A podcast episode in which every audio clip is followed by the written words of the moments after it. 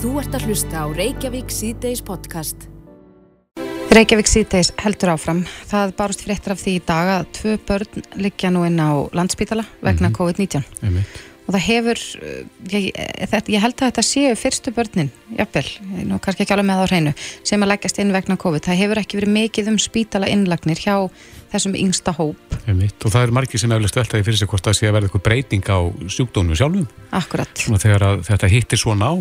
En það hefur þetta hingað til verið talað um að, að já, eh, allt frá því að þetta delta afbrið kom til sögunar, að, að það leggist ekki eh, verra á börn, að börn veikjast ekkert meira eða, eða heldur sem fullorðnir en, Mhm. og að fóreldrar og bólusettra barna þyrftu nú ekki að hafa miklar áhyggjur. Einmitt.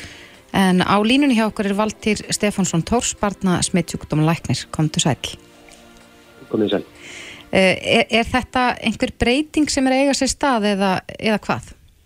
Nei, það er, það er ekki þannig að breytingin er auðvitað svo að, að núna erum við með tvö börn innilíkjandi með COVID um, sem að hefur ekki gæst áður en þetta eru nú fyrstu innlagnirnar sko, vegna COVID alveg frá því að faraldurinn sko, fór af stað. Er það tilvílun að það liggi tvö börn núna inni á...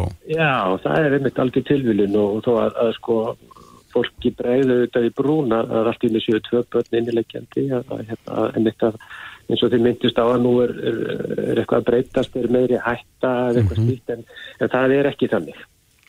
Er, hérna, getur við sagt okkur... Eftir þessum, þessum sko innlögnum alveg frá því að faraldurinn hófst Já, og höfum verið vel undirbúin undir það en, Mhm. en sko blessunulega ekki komið til þess fyrir núna. svo En getur þú sagt okkur fyrir, getur þú sagt okkur eitthvað eins um þessi tvö tilfelli? Er þarna um undirliggjandi sjúkdóma ræða eða er þetta bara fullkomlega heilbrið börn? Sko, fyrir tilfellega sem eru sem er unglingsdrengur að hann sko er svo óheppin að, að sko fá COVID sko nokkrum dögum eftir fyrir bólusetninguna. Hann fór bara eins og hans jafnaldrar í svona bólusetningu en, en veikist í að nokkrum dögum síðar. Hann, var ekki komin með vernd af, af, af bóluefninu þegar hann verður fyrir smittinu Nei. um, og, og en, en sko síkingin sjálf að freka tíenda lítil hjá honum allan tíman en það er síðan er fylgi kvilla sko eftir síkinguna sem að leiða til þess að hann þurfti að, að leggjast inn Já, já. og, og, en hindringurinn er, er, er tekja ára gammal og, og hérna bara höstur en, uh, var búin að vera lasin í, í nokkra dag en, en reynir síðan sko fá bakteríu, lúnabólgu sko ofan í COVID-smitti þannig að það er nú líka fylgi kvilli sem að leiða til þess að hann uh, þarf að leggjast inn. En uh, maður uh, heyrir það í kringum sig að já, fólk hefur svona smá áhyggjur út af því að hinga til hefur höfum verið kannski fullvis um það að, að, börn veikist ekki eins illa. Er einhver ástæða til þess að hafa auknar áhyggjur núna út af þessara stöðu sem komin upp?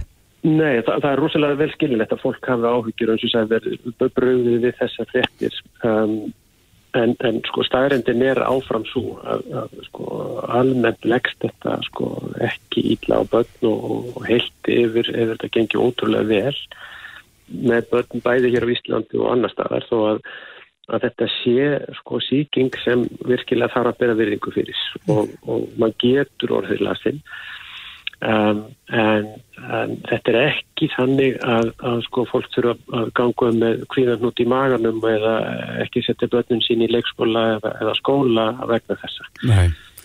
En þú segir að þarna séum svona eftir á síkingu að ræða, þar að segja svona fylgikvillar. Mm -hmm. Er eitthvað að gera til þess að reyna að minka líkunar á því að fá þessa eftir á kvilla? Nei, þetta er bara óhefni. Já. Og ekkert sem að síklarlefið annars líkt þá myndir ráða við?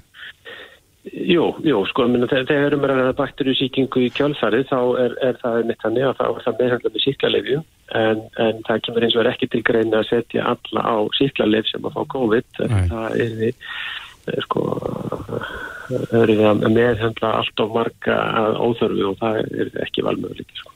En þessi tvö tilfelli núna, eða þessi tvö börn sem að hafa leigið inni núna, er það freka bara til eftirlits, frekar einhvers yngrips? Um, já, sko það er, er svolítið tvíþætt sko, annars er einmitt er þetta eftirlit og og, og, uh, og raunur líka um önnun, þannig að, að sko hérna, að, að, það þarf að stilla af, af meðferð og, og fylgjast vel með þeim en, en þeir eru báður sko, í stöðu ástandi og, og einhver sko, sérstak áhyggjur þannig mm. og uh, allar líkur á því að þetta jafni sig fullkomlega og, og hérna, verða engir eftirmálur af því sko, en, en þeir verða vætilega inn í nokkra daga og verða nættir að sko lipa inn heim. Mm -hmm. En Valtýr, við höfum nú áður rætt við þig um, um, um börn og COVID og nú er auðvitað nýbúið að slaka eins á reglunum hérna innanlands. Uh, hafið þið áhyggjur af því að, að, að smiti þessum hópum muni aukast?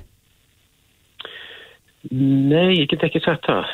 Það sem er svo merkilegt að margir haft sko miklar áhyggjur af því að, að sko þegar skólanir opna þá muni koma svakaleg bylgja af, af síkingum hjá börnum.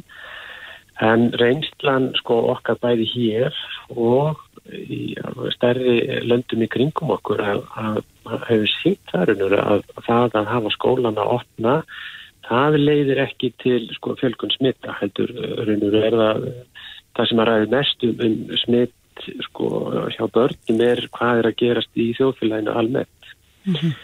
um, og, og það er þannig bæði með delta afbríð og önnur afbríði að, að börn bæði smittast síður heldur en uh, fullögnir og smita líka síður aðra þó að hvortækja auðvitað gerist um, en, en þannig að ég eh, hef ekki, ekki neina sérstakar ágjur af, af sko börnum í, í framhaldinu því að, að þessum svona takmörkunum verði afletti ég held að, hérna, að það sé bara góð hugmynd að gera það Já.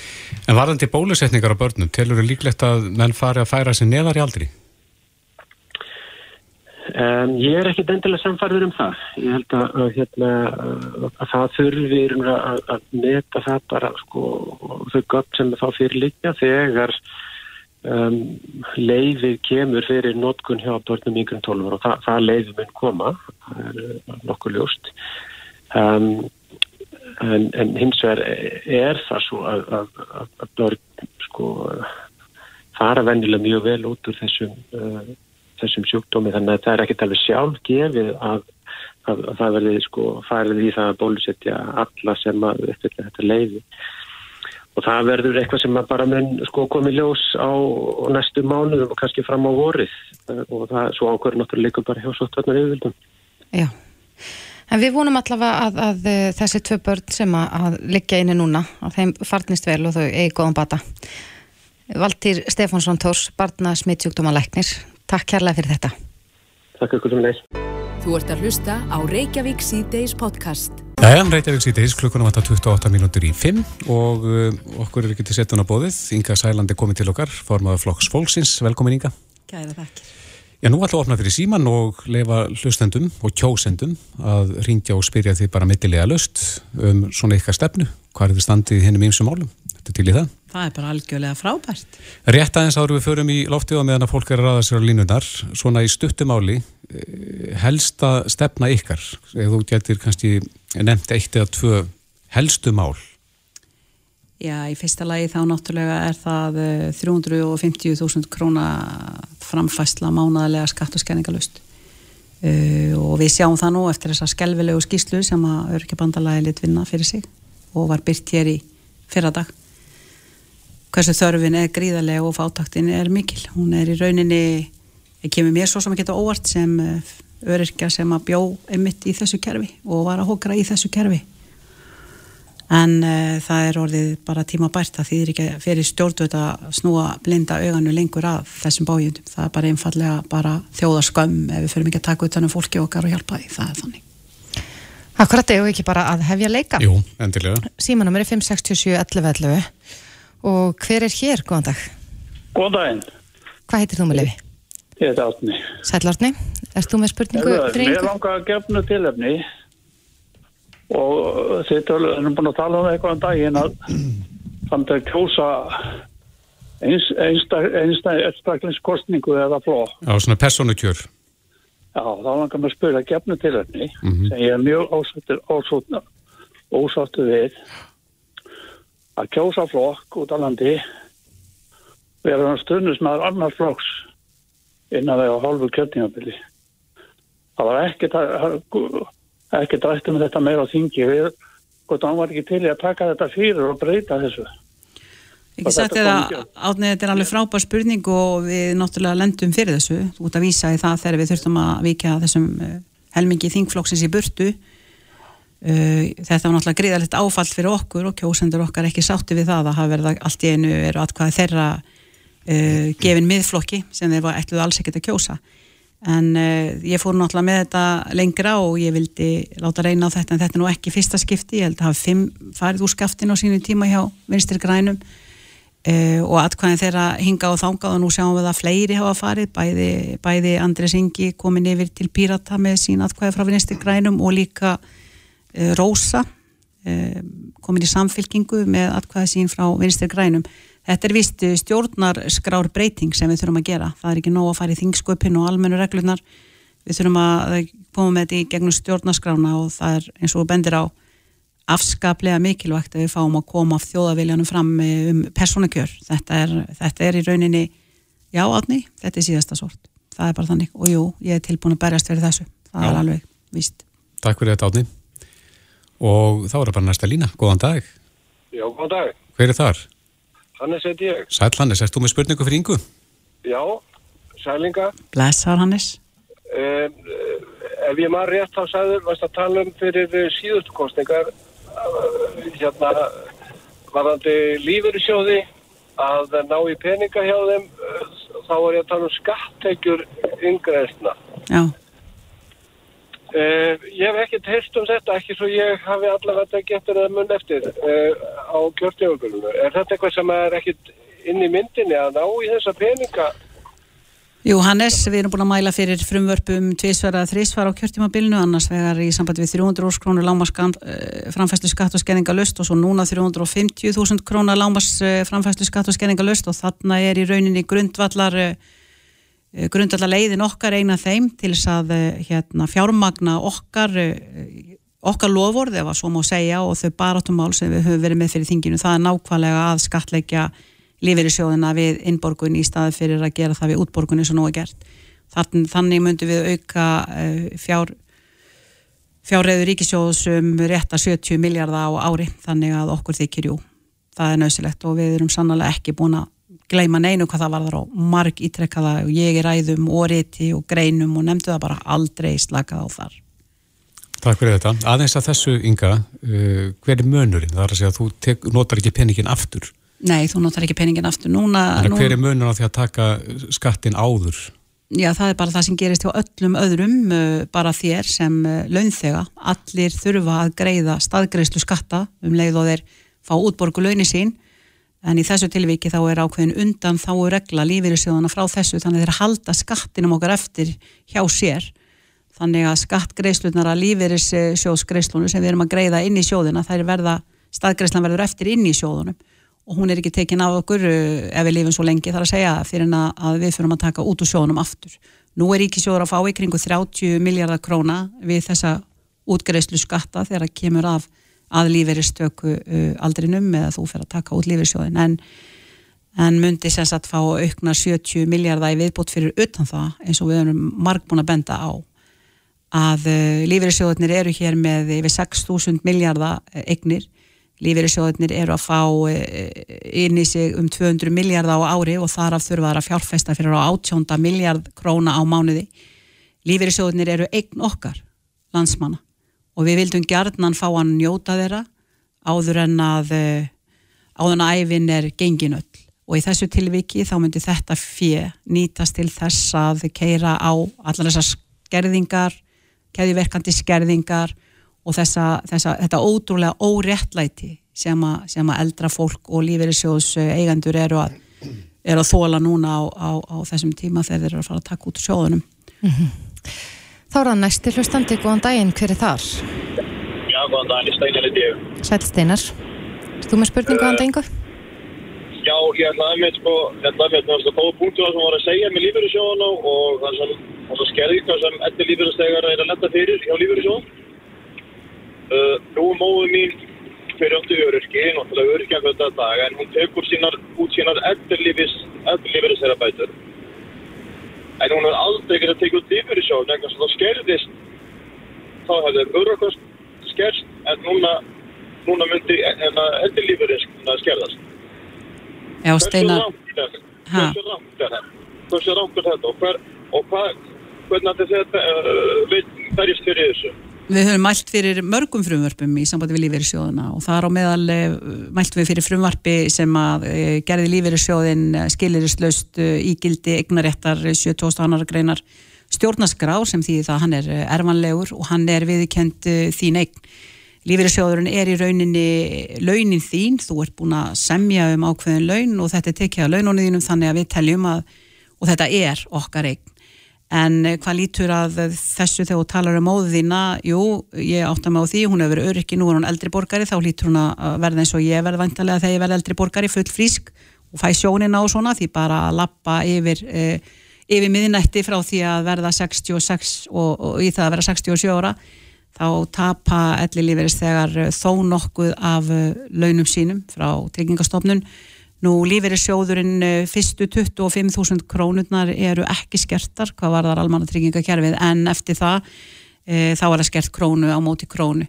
Þannig að e, það er alveg ótrúlegt hvernig er komið fram við eldra fólk. Alveg það er bara og, og öryggi náttúrulega og bara fátat fólk í þessu blessaða landi þannig að við mæltum fyrir frumvarfi þar sem við vildum hækka þetta og 25.000 krónum upp í 100.000 krónur. Þetta frítekjumark var, varðandi lífeyrissjóðsegnir Eh, en það var náttúrulega fælt eins og öll önnur góð mál meira á minna. Og það er besta við það, Steinar.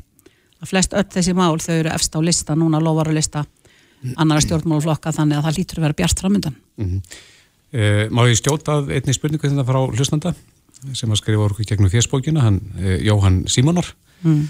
hann spyr hérna eh, af hverju var ekki gerð breyting á verðtrykningamálum lána og hún afnuminn Og hver er, hver er skýringin, segja hún hér? Ég, Skýringin er uh, sjálfstæðarsflokkur, framsóknarflokkur og vinstri reyfingin grænt frambóð. Hvað standi þið í uh, verðtekningamálum?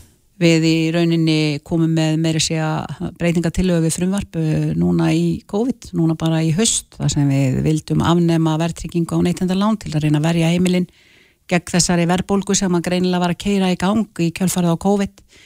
Eh, það er skemst frá því að segja, það var náttúrulega felt en e, þetta er frumvarp, eitt af tæplega 40 frumvarpin sem flokku fólksins hefum allt fyrir á þessu kjörtumabili eða réttar að sagt bara í vetur, síðasta vetur, þingvetur þannig að, e, já, við erum á móti verið tryggingu, algjörlega, burt með hana mm -hmm.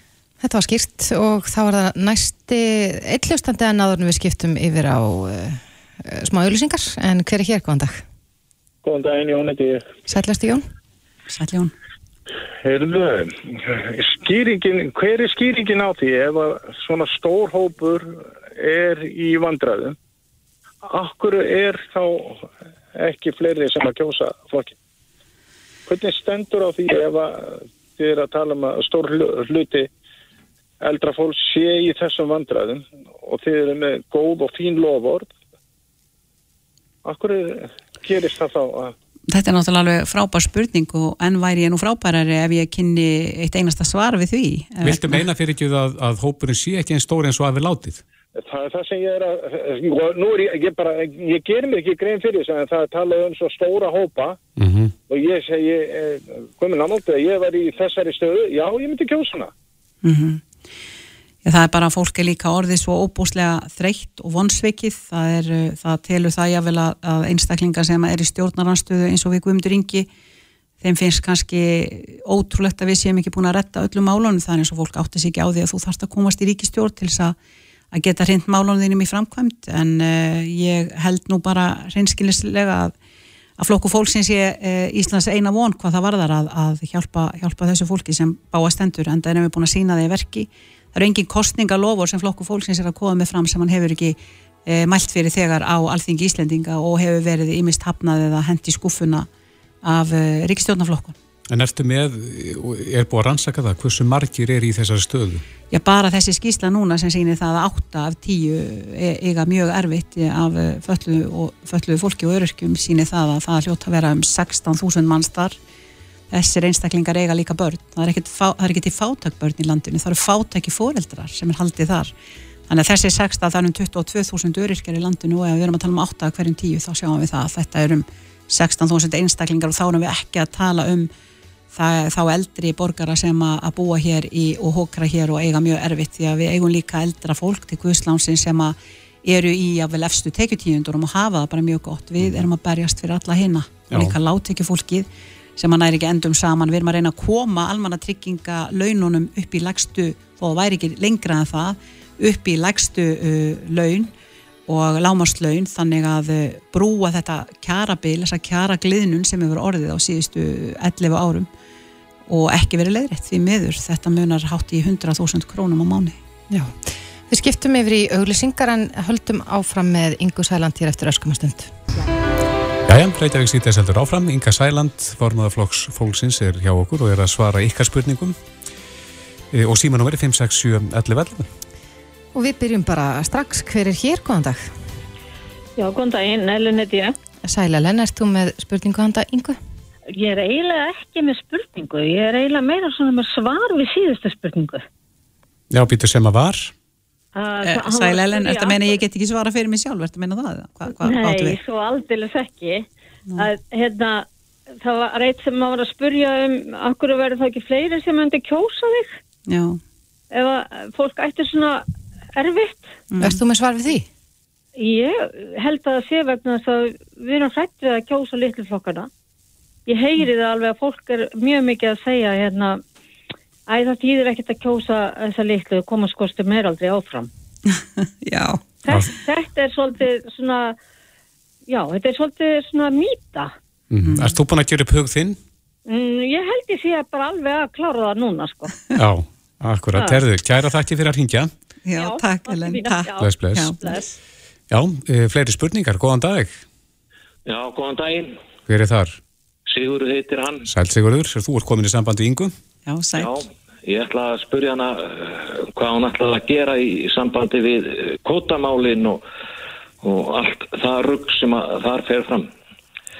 Ég hlustaði á formannu Vilstörafélagsins í útvarpin í, í morgun og ég er búin að vera yfirvilstur í bæði á lonuskipi, tógurum og millandaskipum og þetta er bara einn tómt svindl. Já, Inga, hvað ætlar að gera eh, ykkar stefni í Já, ég tek alveg undir það. Ég er búin að sjá hverslas ömulegt svind þetta er og sérstaklega bitnar á, á, á sjómanum ef við erum að tala um það en í sambandi við sjáar útvismálin gegnum heilt þá erum við e, búin að tala um það bæði í þingi og út um allt að við viljum ebla sjáaplásin okkar. Við viljum gefa uh, frálsar handfæraveðar. Við viljum uh, skila kvótanum heim í byggðalögin. Uh, við viljum fá betra verð fyrir auðlindin okkar, fullt verð fyrir auðlindin okkar. Við erum komin á markað og, og svona hérna, upp á sleið og annars líkt eins og við erum að sjá að hefur gengið ákveðlega í kringum okkur sérstaklega bara bæði í Noregi og, og sérstaklega hefur norminu gengið vel hvað það varðar. Nú, eh, hvað varðar sjómennin og hvernig það farið með þá, eh, þá er náttúrulega að vita það allir þó að sé verið að reyna að láta lítið út fyrir annað og vera að segja er ekki nóg fyrir ykkur að fá 33% af, af eh, verðmættinu okkar e, þá í rauninni er byrjað á því í útgerðin að taka 30% fram hjá skiptum. E, ég veit ekki til þess að er nokkur önnur starfstjett sé látin greiða oljugjald, umbúðakostnað ný, 10% í nýsmíði e, eins, og, eins og sjóminn e, þetta er í rauninni þetta er alveg með reynum ólíkjendum og síðan koma þarna 28-32% til skiptana af þessum 70% sem eftir eru Eh, ég segi bara, ég vil fá bara 100% inn og fá bara auðlindarentuna algjörlega og uh, þeir sem eru stórir og eru hér að greiða sér út miljarda og miljarda ofan í arð, bara vinsalega skiliði uh, skiliði mistakosti helmingnum til þeirra sem eiga auðlindina. Já, takk fyrir þetta Sigurður og hver er á næstu línu, góðan dag? Já, takk. Halló. Halló. Já, góðan dag. Góðan daginn, sælinga. Já, hæ, góðan daginn. Hæ. En nú ertu búin að vinna þarna með sjálfstæðisflokki og öllum þessum flokkum í, í fjögur ár. Hvað hva heitir þú? Ég heiti Stefán. Það er Stefán. Já. Og sko ég ætlaði bara að spyrja þig einfallega, þegar þú ert búin að starfa með öllum þessum flokkum núna í- og ríkistjórninni í fjögur ár, þetta er þetta helmikið betur en við kjóðsendur, er einhver megin munur á raunverulega sjálfstæðisflokki og vinstur grænum í dag? Einhver stór munur? Ég náttúrulega veit ekkert hvað fer fram þarna hjá þeim uh, þegar þau eru að reyna að hérna, halda þessu saman þessu stjórnarsamstarfi. Ég held nú að setja allt í mun- munur á því en, en þau fara að tegja sig ansi langt uh, til hvors annars til þess að, að fá svona millilending og geta haldið þessu saman. Ég held að uh, þetta verður einnkist að því að þetta eru fullorðni flokkar, gamlir reyndir flokkar og, og ætluðu svo sannarlega að reyna að standa af sér hvaða öldu sem var og hvað sem á gengi og mér sínist uh, þau hafa fórnað ímsu uh, báðir þessi flokkar til þess að reyna, reyna að halda þessu saman en, en jú, auðvitað upplifum að það í þinginu að þetta sé bara verða nánast eitt og sama en, en ég held nú undir nýri að svo sé ekki Nei, takk fyrir þetta Stefán. Er, er einhver flokkur sem að þið getið ekki unnið með eftir kostningar? Við flokki Sem, fólksins? þið- sem þið útilókið samstarf við? Já, ég hef vola lítinn áhuga á miðfloknum. En uh, hvað, hvað verður veit svo engin vandeinu slíkt að spá en uh, það er nú svona sá flokkur eftir þetta klusturævintýri og eftir þann dónaskap og lítilsverðingu sem að þar fór fram. Uh, og var þess valdandi að við stegum fram og, og síndum ábyrð og siðferðislega rétta ábyrð sem við tókum í því að láta þessa klustur dóna fara úr flokknum þetta eru líka ennþá sömu einstaklingar margir hverjir og, ég hef engan áhuga á því að starfa með þeim. Nei. Þá er það næst tilvistandi. Góðan dag, hver er hér? Já, góðan daginn. Sigrún heiti ég. Sæl Sigrún. Sæl. Uh, ég spáði hérna með lífyrísjóðina. Uh, nú á ég einhverja miljónir þar inni og ef svo kæmi að ég myndi nú rökka upp að áður en ég verð 60 til þess að geta tekið þetta út, þá er mér mikið mál að spyrja á hverju lífyrísjóðnir taka peningin og heyrðan í staðin fyrir að láta börnin okkar uh, njóta þess sem að fóreldrar eru búinir að- vinna sér inn um æfina.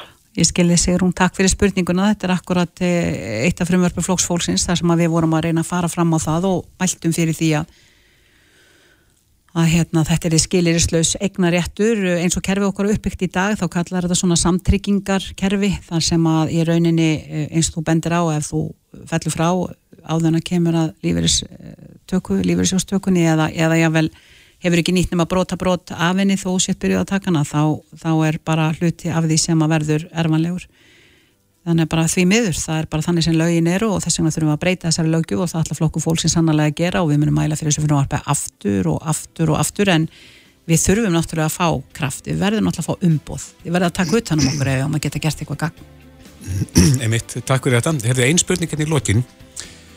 Uh, hér er uh, Þórir Dan sem að segir hérna að, að hann hafi heilt þig tala um það að, að uh, þú og flokku fólksins ætli að taka persónuafslátt af fólki sem er með 600.000 krónir í heildalun og færa til láttekki fólks. Er það rétt, spyr hann? Nei, það er ekki rétt. Það var allavega þannig sem það var reynt að matriða það en það er ekki rétt. Við ætlum að byrja á að, eh, eins og við sögum, fallandi persónuafslætti. Uh, þeir sem eru með tekur upp undir 600 og 700.000 krónur, þeir fá frekar fleiri krónur heldur en færri vegna þess að við ætlum að taka persónuafsláttana allan af þeim sem eru komni með rétt tæpa miljón á mánuði.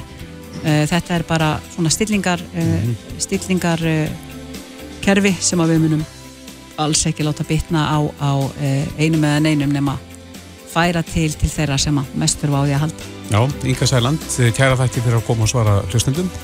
Takk fyrir mig, ofsalega gaman að fá að koma og svara hlustundur. Takk fyrir það og Takk. takk, takk því sem að ringduð. Þetta er Reykjavík C-Days podcast. Það fer ekki á milli mála að, að kostningar eru í aðsí og uh, það er nú marg sem að trubla svona heldarmyndina, það er kannski mitt álit og, og ég er ekki einn um það. Uh, við erum að skrýða út úr þessu fári sem kentur við COVID og, og það eru nú ránkallarnir margir og margir með á móti sem maður segir um bara í venjulegum kappleik en, en uh, það er líka að sé litið til auglýsinga flokkana að þá er kennin og ymsa grasa þar, það er ekki einlítur það er, ímislegt annarkvört um efnahagsmál sem er álíktara sérnum kannski torskildara en, en eh, hjá þeim sem eru kannski að eh, auglýsa eða vekja aðtigla á eh, formanni flokks eða framámanni í einhverjum flokknum sem er að, sem er að við heimilistörfin og að klappa börnum og svona, veist, þá hlýð á málunum, þessa mannlegu. Eh, ég er forvitin Valgir Magnússon er þekktur maður í svona þegar kemur að eh, þessum flókna frumskógi sem það heitir eh, að auglýsa og, og, og kynna það sem fl- stjórnmálaflokkar hafa fram að færa hvað býr þarna baki? Það er svo margt sem betur djúft, pólitík er rosa djúft, djúp og um, þegar maður er að hugsa markasetningu fyrir pólitík þá er þetta svo mörg lög það þarf að koma einhverjum málum á framfæri.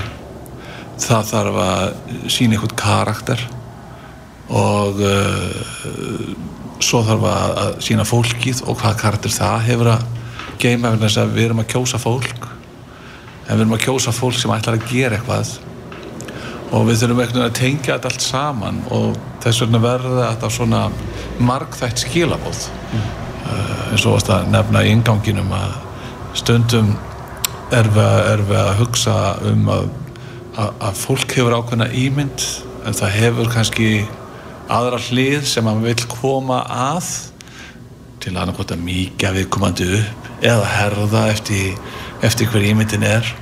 Eins með, með málefnin að það þarfst að setja málefnin í eitthvað samhengi svo skiljir málefni eða tengir yfir við það en því að oft er þessi málefni djúpum einhver ákveðin kerfi sem það er að breyta og bara leið og fólk heyrir orðið kerfi þá er yfir búið slökkva slökkva á, á hernatækinu þannig að þarna er rosa erfitt og mikið verkefni mm. sem þarf að gera á skömmum tíma Er þetta ekki flók, flóknara líka fyrir bræðu það, það eru tíu flokkar um hittuna?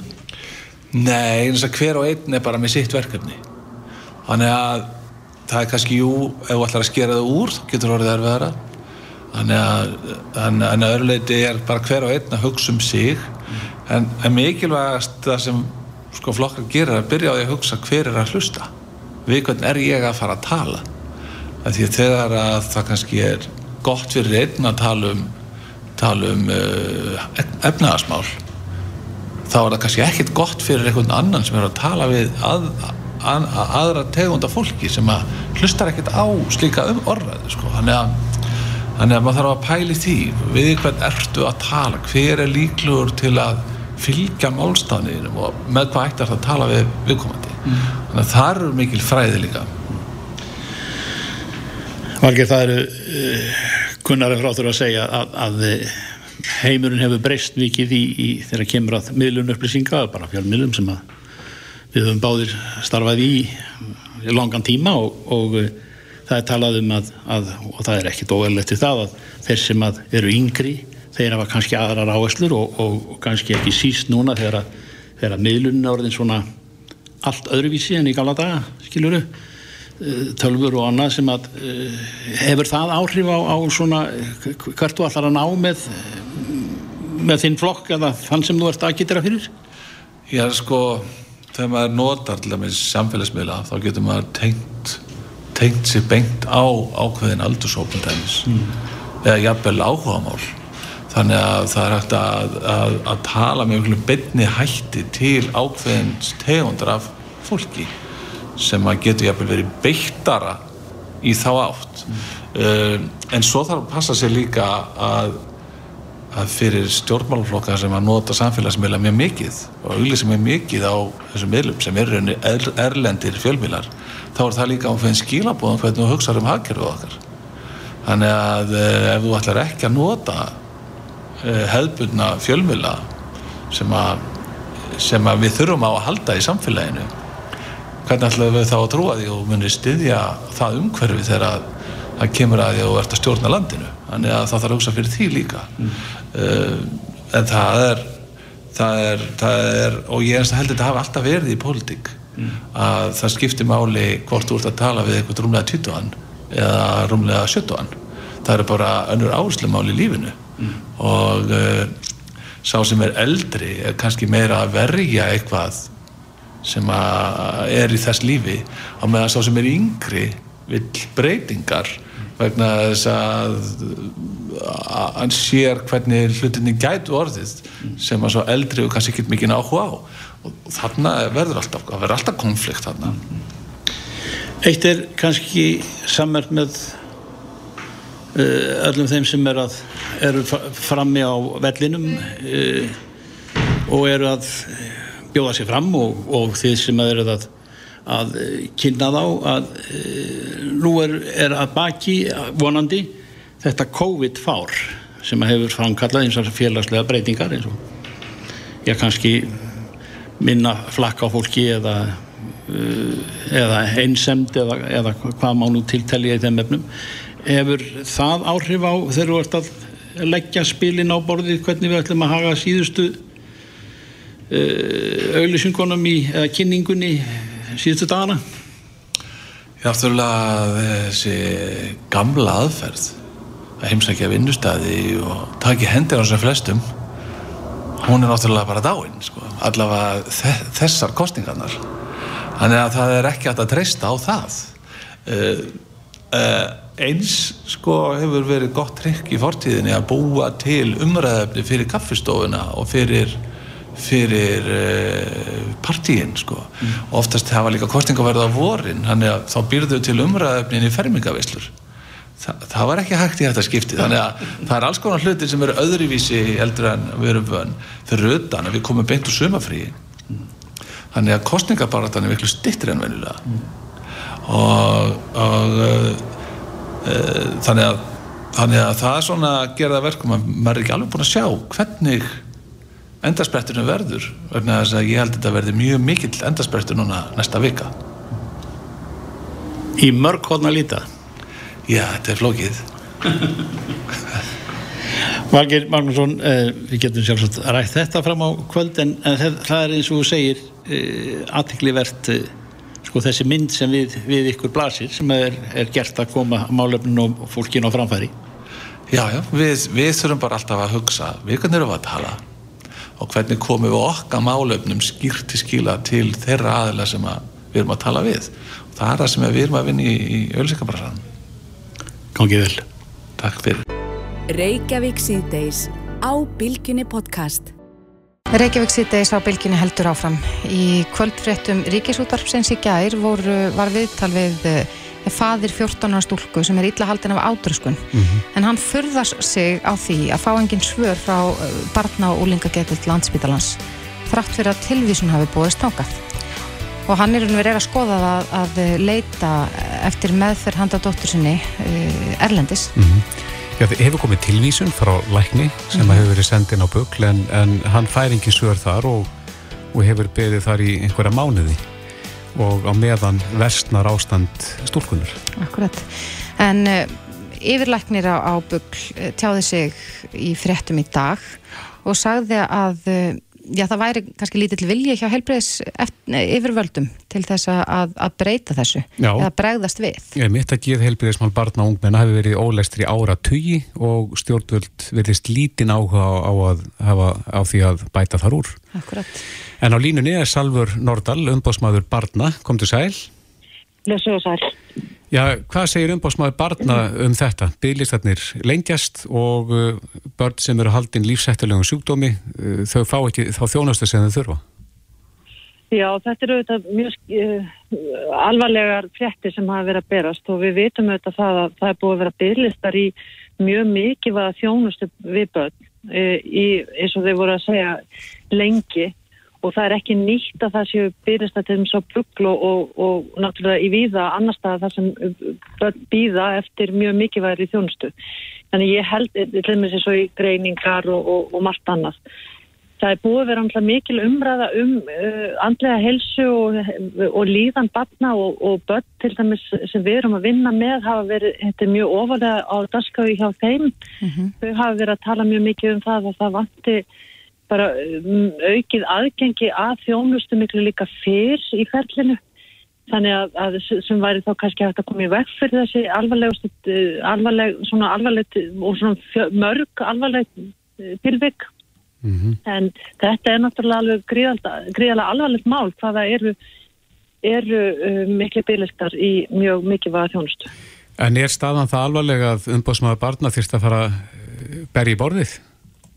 Og láti sér heyra? Verið, við höfum auðvitað verið ofta að hérna, láta vita af okkur eða sagt, skrifa og, og erindi og, og benda á þessi byrlistamál sér óvið unandi. Mm -hmm. En uh, þannig að, að þetta er auðvitað eitt af því sem við höfum, erum sífælt að benda á. En við, það, við höfum það líka til skoðunar að, að fara að skoða einmitt þessi byrlistamál miklu betur og svona, sagt, svona kerfisbundið heldur en við höfum gert hinga til. Akkurat. Af því þetta er auðvitað mjög mikilvægt og, og, og bara mjög alvarlegt mál eins og að vera benda þarna og það eru þessi ímyndlega sem bendir til þess Við sjáum það til dæmis líka bara frá öðrum löndum og í skýslu sem hafa verið að koma hér. Það var nú byrkt bara nýlega skýsla sem var tekinn saman í vor af landlækningssembatinu að það var einmitt verið að vekja aðtikli á uh, andleri helsu og, og, og líðan barna og mikilvægi þess að, að þau hafi uh, aðgengi að þjónustu í skólum og, og miklu fyrir og það sem miklu auðveldra fyrir þau að nálgast aðstóð þegar þau þurfa á hann að halda. Mm En þetta, sko taland um and, andlega helsu að þá þetta hefur uh, kórunaveri faraldurinn haft áhrif á andlega helsu barna og ungmenna og, og það var í fréttum í síðustu viku að, að fjölgun, að það veru mikil fjölgun sko af bráðakomum og innlögnum ábögl í faraldurinn. Já, þetta lítur að vera eitthvað sem að bregðast þar við. Já, ég er, ég er algjörlega sammála því og það er náttúrulega, við vitum það líka sko að andlega helsa barna var, var slæmt að fyrir koronavirun faraldurinn og svo hefur hún vestnað þannig að þetta eru þetta orðið mjög brínt og aðkallandi verkefni á og fyrir alla aldurshópa barna, fyrir ungföld, fyrir eldri börn og, og, og unglingana. Þannig að já, ég er algjörlega sammála því það þarf að auðvitað bregðast við þessu. Hafa fóreldra verið að leiti í auknumæli eftir liðsynni umbóðsmanns barna svona í, í svona málum?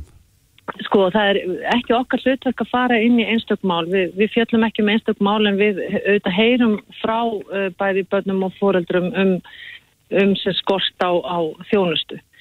Þannig að það er það sem við reynum að fylgja eftir eins og við getum. Uh -huh. En ekki, við, get, við förum ekki inn í einstökmál eins og staðan er núna. En hefur umbásmaða barna, hefur þetta embætti einhver, einhver verkverð, einhver tól til þess að reyna að beita sér í svona málum?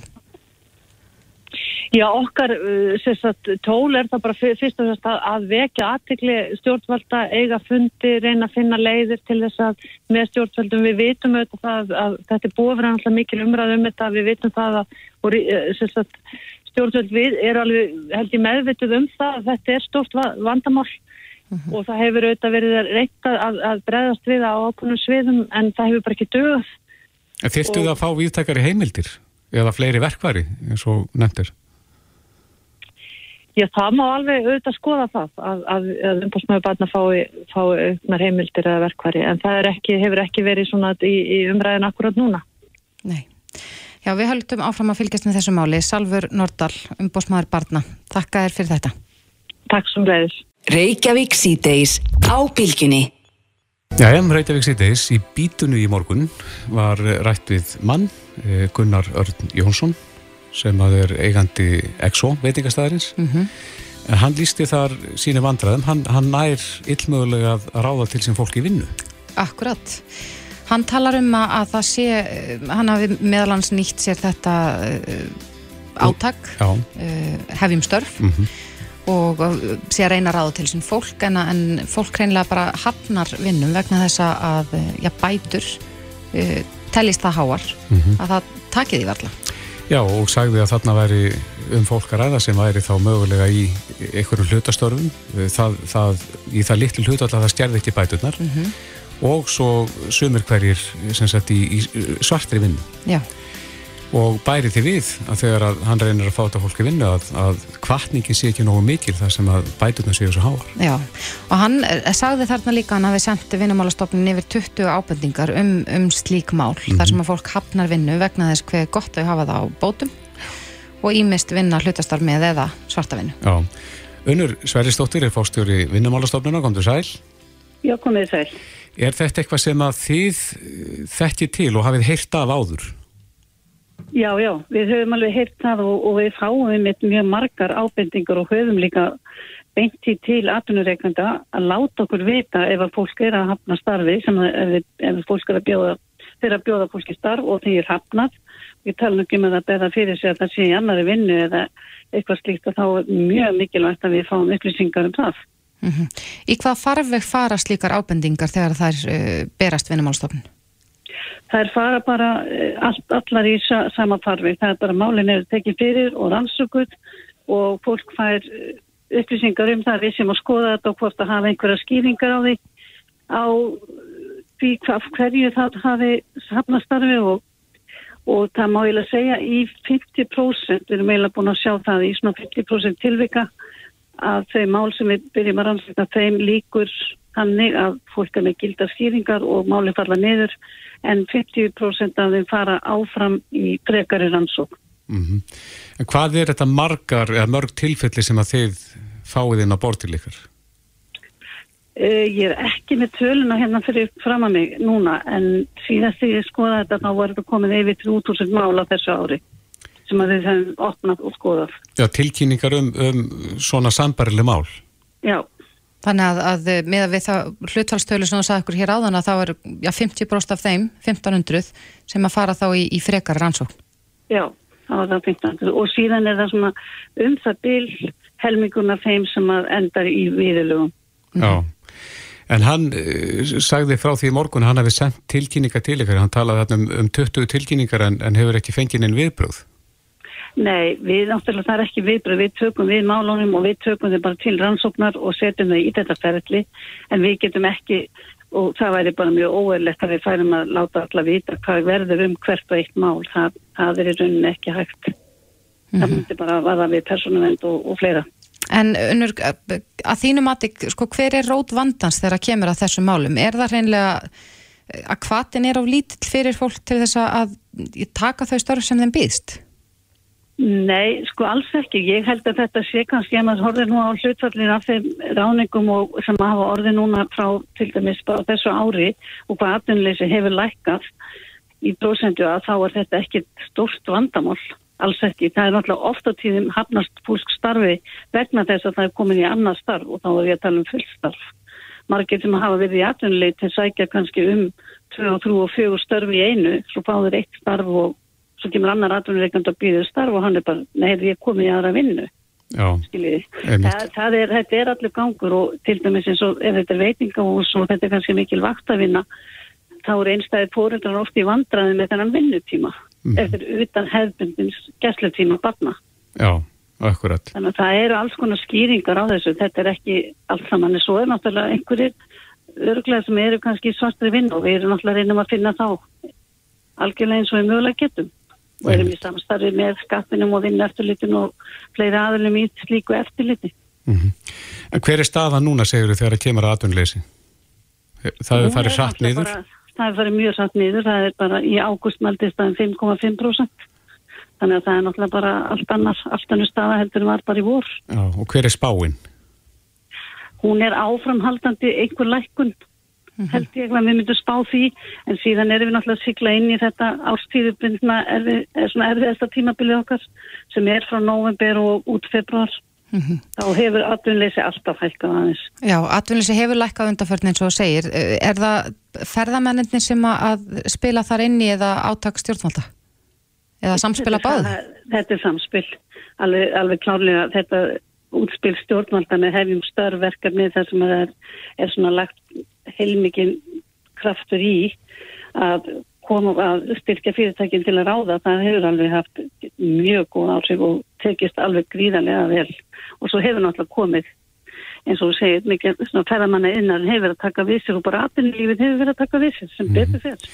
En hvað hafa margir fengið vinnu í gegnum þetta áttak hefjum störf? Það er yfir 6.000 um 6.200 rúmlega sem eru ráningarsamlingar sem búið að gera núna. Já, hvað er, er fólk að ráði til langs tíma á þeim kjörum? Í, það er á, í sex mánu. Já. Egið þá vona því að, að þegar að því líkur að, að þá fari fólk aftur á fulla rattunleysspætur? Nei, ég á ekki vona því, sko. Við höfum náttúrulega verið að, í gegnum tíðin að þá höfum við verið með þetta vinnumarkasúraði þar sem við höfum verið með ráningarstyrk í sex mánuði til fyrirtækja sem að taka eh, ræði til þessi ból sem er í aðunleit og nýð oftast hefur það verið í kringum 25% sem hefur kannski komið tilbaka allt yfir 75-80% af þessu fólki hefur svo fengið áframhaldandi ráningu. En núna við verðum aðeins að hugsa bara þetta er náttúrulega lík, eh, þetta er ferðaðinarinn hann dregst saman yfir vetramániðina, það er bara lögmál. Mm -hmm. Þannig að þetta er svona meira óráðið, það er svona óskrifa blad, við veitum ekki alveg hversu vel fólkið helst fyrirtæki geta haldið í, í fólkið. það Einmitt. kemur í ljós en ég hef alls ekki vona því að, að allir fara að koma tilbaka, alls ekki Nei. og enga veginn Akkurat. Unnur Sveristóttir, forstjóri vinnumálastofnunar. Takk að kærlega fyrir þetta. Já, takk sem við leiðis Reykjavík síðdeis á Bilginni podcast. Uppreist æru er eitthvað sem hefur verið mikið rætt um í gegnum tíðina. Einmitt. Og það kom upp uh, fjölmörg mál uh, hér á sínum tíma sem í raun og veru leti til þessa að lögunum var breytt. En uh, á morgun fer fram málþing í Háskólum á Akureyri. En þetta málþing er um uppreist æru, afplánun og réttindi borgarana. Og ein af þeim sem að er að fara að flytja erindi þarna er laganemi sem að skrifaði bíaritgerð við Háskólinn á Akureyri um sko áhrif afnáms lagaákveðana um uppreist æru. Já, það var tekið á þessum málum eftir að nokkur slík komist í hámáli það sem að var verið að, að e, uppreisa, má, má segja, æru manna sem að höfðu gerst setjur um alvarlegt óbeldi kakvart börnum. Akkurat. En um, það sem að kemur fram hér er að hún, uh, hún Jóhanna Ásk Jónasdóttir, fekk áhuga á þessu efni um, eftir, eftir að hún fekk það svona á tilfinninguna að það hafi ekki verið vandal nægilega vel til Mhm. verks. Uh, og þetta hafi, þessi umræða hafi jafnvel verið skadleg. Já. En uh, Jóhanna Ásk Jónasdóttir, laganemi við Háskólan Akureyri, er á línunni, kom til sæl. Já, sæl. Já, er, það, uh, er þetta rétt að þú ákvast að sökva þér í þetta efni eftir þessa miklu umræðu sem að, að var í samfélaginu á, á þeim tíma sem að lögunum var breytt? Já, sko, málið er að þetta afnám átti sér stað eiginlega bara einni nóttu og þetta sprengdi ríkistjórnuna þessi, mál og svo í kjölfari uh, var einhvern veginn farið í svona heildar endurskoðun á fjölmörgum lagagreinum sem að uppreist æra hafði áhrif á. Það var tilgreint í mjög mörgum lagagreinum að við komandi þurfti að hafa óflekka mannurst Já. til þess að geta sinnt tilteknu starfi. Og þá var einhvern veginn farið að gera frekar uh, svona hæfiskilirði í, hva, í hvaða sélugum fyrir sig hvað viðkomandi þurfti að uppfylla. Og þá er núna sko stundum er það sambarlegt að viðkomandi getur fengið réttindi til að sinna tilteknu starfi að fimm árum liðnum frá áplánun eins og viðkomandi gætt sótt um uppræst æru eða í sumu tilfelli fekk hann sjálfkrafa og flekka mannur fimm árum eftir áplánun en núna er í ákveðnum sérlögum búið að gerða fyrir að menn geti sinn tilteknu störfum. Það núna er bara ef þú hefur slotið refsidóm að þá ertu ekki áttu ekki möguleika á því að sinna starfinu. Nei, var þarna einhver hópur af fólki sem að kannski eh, leið fyrir þessa miklu umræði sem að skapast á sínu tíma? Já, núna er, er mín upplifun allan að svo að það sé færi að túlka þetta þrengra eins og til dæmis innan lögreglunar þá lítar bæði til þess hvort viðkomandi hafi slotið óskilarsbundið dóm eða skilarsbundið. Mm Þannig að það verist verið að vera herða reglunar.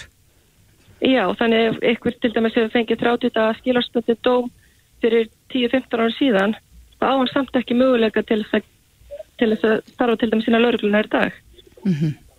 Þannig að við, við finnst svona alltaf svona vekja, vekja þetta til umhugsunar og umræðu og bara svolítið að fá, fá fólk bara til að velta fyrir sig hvort að þetta hafi verið markmið með þessu. En svona hver er þín skoðun á því hvað er hægt að gera til þess að, að bæta úr? Þetta er alltaf er bara hjá lögjáðanvaldinu þegar upp er staðið en, en hérna svona í ákveðnu til, tilvikum finnst mér kannski sé allt í lægi að meta hvert var eh, umfang brotsins og eðli brotsins og hversu langt erum liðið frá því að það var framið og hvað er viðkomandi búin að gera í sínum málum síðan þá. Akkurat. En uh, já, eins og við saðum hérna áðan að þá, þá uh, var mikið umtal um brot gegn börnum til dæmis að, að uh, þeir sem hefur fram í slík brot væri að fá uppreista æru. Um, Væri þá hægt að að mögulega vera með um, öðruvísi kröfur til þess að viðkomandi gæti fengið uppreista æru? Sko það er alveg til, tilgæðast núna í æskulislöfum til dæmis að þeir sem hafa brotið af sér kynferðslega að þeir eigi ekki að starfa með börnum og ungmönnum undir 18 ára aldri. Þessi lögjöf snertir það ekki neitt. En það er samt alveg þannig að tiltekinn brot þau eru alvarlegri heldur en önnur. Og mér finnst kannski allt í lagi að það sé bara tekið til umvöksuna hvort að það eigi kannski að meta það en allavega velta fyrir sér hvort að þetta hafi verið markmiðið með lagasetningunni. Út af því að, að sko sangut lögskýringagögnunum var markmið að halda sem mest í óbreytt réttarástand. En svo var það auðvitað orðið að megin reglu í ráðunitinu að menn gáttu fengið upprift æru, æru tveimur árum eftir afplánun sem eru þetta heldur stuttu tími. Mhm. þannig að það er kannski að, að skoða hva, hvernig, hvernig fólk vil leysa þetta Er það þín skoðun að það hefur verið svona vaðið af ómiklu offors í þessi mála sínu tíma og svona kannski látið undan einhverjum múasing? Já, ég held að það hafi ekki verið kannski skoða þetta heilstætt út frá öllum hliðum Mhm. Akkurat. En, en þetta málþing sem fyrir fram morgun, það eru nú fleiri erindi þar og þar er meðal annars uh, svo spurning borun upp bara hvernig samfélagi við viljum búa í og, og þetta uh, snertir það að einhver leiti að, að uh, þegar fólk er búið að afplána sinn dóm og tími hefur liðin og, og Mhm. já, öll þau skilir sem voru áður. Þetta er þér rétt átt að, að, kom, að breyta þessu aftur í, í fyrra horf eða, eða þarf sennilega bara að skoða þetta uh, upp á nýtt? Sko ég held að þetta hafi verið of velrænt líka áður. Það er bara menn uppfylltu ykkur skilirði og þá var bara orðið að jafnræði að veita öllum. Mhm. En ég held að sé eitthvað en allt í lagi bara að skoða þetta kannski frá öðru vinkli að meta bara hvert og eitt tilfelli. Akkurat. En er ætlaði að sé hópur af fólki sem hefur fengið út af því að þetta var áður þannig að, að eh, þessi lagakvæði ákvæði tóku til allar sem hafði hlotið sko fjögura mána óskiluspundin refsidóm eða lengri. Mhm. Ætlaði að sé hópur af fólki sem hefði mögulega geta fengið uppreist æru samkvæmt gömlu lögunum sem uh, Mhm. hafði þá framið minna alvarleg brot sem Mhm. að, að getur þá ekki lengur, lengur fengislíkt. Já, sko það var þannig ef að viðkomandi fekk refsidóm sem var fjóri mánur óskilarspundin til eitt ár, þá þurfti hann ekki að sækja um uppreist æru, hann fekk bara sjálfkrafa öll borgarlega réttindi tilbaka. En hvernig er staðan fyrir þennan hóp núna? Það er nefnilega líka svona það sem að ég hef velt fyrir mér. En það virðist vera þannig að breytt lögjöf breytir bara framkvæmdini sem verður til þess að þau gátu sótt um tiltekin störf áður en lögunum var breytt sem þau geta ekki sótt um lengur út af að breyta lögun. Já, þetta er áhugavert og, og greinlega eitthvað sem að, þarf að eh, ræða eða skoða aftur. En þetta málþing hver fram á morgun ekki satt og klukkan hvað hefsta? Það verður mellir 9 og 12 við Háskólan á Akureyri en verður líka strengt á netinu og það er linkur inn á unag.is og líka er, það er líka viðbörður á Facebook sem heitir uppreist æra, áplanun og réttindi borgarana. Jóhanna Ósk Jónasdóttir, laganemi við Háskólan Akureyri. Takk kærlega fyrir þetta. Takk kærlega fyrir. Hlustaðu hvena sem er á Reykjavík C-Days podcast. Já, áður en við ljúkum störfum í dag þá ætlum við að hugað handboltanum. Þannig kannski komið tíma á það að vekja aðtikla á handboltanum sem er, sem er í sókn, segja fróðir, fróðir menn um þessa þjóðar íþrótt okkar. Stefán Áttin Pálsson stendur í brúnni, setni bylgjunni og, og gerir þessu fagmæli skil. Þetta er ballið að byrja. Já, balli er bara í raun og veru, ég veit ekki hvernig þetta viðtal fyrir lóttið en uh, fyrsti leikur er klukkan 6 í dag það er HKK og, og tvei leikir á, á saman tíma klukkan 6 og svo er eitt klukkan halv 8 þrý leikir í, kvöld. Og svo er einn á morgun og fyrsti þáttur annar kvöld. Þannig að með haustinu þá kemur alltaf handboltinn og, og það er haustbóðin ljúi um bara hvert, eina, hvert einast ár. Gott að vita, en uh, út af fyrirferð annara íþróttagreina undarfarna vikur og mánuði þá, þá hérna uh, finnst mér ástæða til þess að spyrja, er, er handboltinn að er að rétt þessi tilfinning sem maður hefur að, að það er ný kynnslóð að koma upp sem að verðt er að vekja sérstakka aðtikla á? Já, heldur betur, sko, þessi deild er alveg stútfull af ungum og frábærum leikmönnum og þeir eru að leika alveg stór hlutverk við sáum sko valsmenn að vera Íslandsmystara núna í, í sumar í raun og veru þá var hans Óla Stef sko alveg frábær Einar Þorsteinn Ólafsson alveg geggjaður varnamaður og hjá haugum erum við Darra Aronsson og svo er eitt stykki á Selfossi sem er einhver 130 kíló að línumæður og varnamaður sem er Tryggvið Þórusson þetta eru framtíða landsleismenn allt og þetta er allt framtíða ratunum en í þessari íþrótt og, og það er það sem við höfum gert núna síðustu ára tugi síðustu sko fjóra eða fimm ára tugi það er að framleiða atunumenn í handbólta og og ekki í neittni annar íþrótt erum við að gera sko, ja, afburða góða íþróttamenn í þessa, í, í greinu eins og handbólta Mm. Eh, Ykkur hefur tekist það, já, það er góð sviti er, er stór hluti þeirra sem að koma til með að vera í landsliðum í keppnum á næstu misserum búsettir eða keppa ellendis eða hva, hvað er íslenska hlutfallir svona cirka? Sem er að spila hérna Erlendis. Já, Já þegar bara rosalega margir drengir að spila sem atvinnum en Erlendis í, í handbóltanum sko, bara fullt sko landsliðið okkar er, er alveg stút fullt af atvinnumönum og við erum með sko Aron Pálmarsson í íslenska landsliðinu, hann er nú sennilega bara eitt besti handbóltamæður heims, mm. við erum með Bjarkamá Elísson sem er marka, markaðist leikmaður í Þísku búnderslíkunni og, og fyrir þá sem kannski fylgjast ekkert mikið með handbólta þá er Þíska búnderslíkan bara eins og, eins og ennska úrvalstildin í, í fótbólta, mm. svo staðsta og, og besta Þannig að við erum með, við erum með einhverja 30-40 aðtunum en í, út í heimi í, í handbólta sko, sem eru að bara lifa á því að spila handbólta. Mm -hmm. Það er sem sagt góður gangur í þjóðaríþróttinni og gott til þess að vita nú á, á uppafstegi Óli Stildar Karla og, og þú ætlar að endur spekla þetta í, í sendibilginni Já sko það er alveg okkar markmið að, þú veist ég er nýr að taka við þarna sendibilginni mm. og framlegandi þáttana Þorgir Lógarsson líka nýr. Við settum okkur strax markmið þegar við byrjuðum þessa vinnu að handbóltin er okkar þjóðaríþrótt. Við erum bara best í handbólta Við ætlum að sína þjóðinni að þetta er bara skemmtilegasta og besta dildin til þess að horfa á og við viljum að áörundu stöðar 2 verði bara lindir við skjáin því að þessi dildi líka sko hún er full bara af íslenskum íþróttamönnum. Það er ekkert rosalega margir erlendir aðkiftir uh, menn að spila í þessari dild. Þeir eru held ég 15 eða 16 mm -hmm. sem er ekkert svo mikið í heilri svona 12 liða dild. Mm. Spyrum bara saman körfuna eða, eða fótbolltana. Það eru alveg svona umtalsett margir erlendir leikmenn að spila í þeim liðum. Þannig að við erum að búa til rosalega góða handbóltamenn og handbóltakonur endar líka því að handbóltadeild kvenna, ólýsteild kvenna er, er gegguð líka. Mm -hmm. Gott til þess að vita bjart yfir handbóltanum uppafstagur ólýstildar Karla á þessum höstdögum eða í upphafi vetrar. Kæra þakkir, þetta verður fjör. Já, þetta verður gegg, ja. fylgjast með í allan veitur. Já, strákar, þetta verður svo sannarlega fjör en eh, nú er komið að lokum hér í þessum þætti í dag. Já, ætlum að fara stíftið frá fréttastofuna. Við, við þökkum fyrir okkur í dag. Þórdís Valstóttir, Þórdir Ástálsson, Bræði Guðmundsson og Kristófur Helgason aftur klukkan fjögur á morgun. Verið sæl. Þetta er Reykjavík C-Days podcast.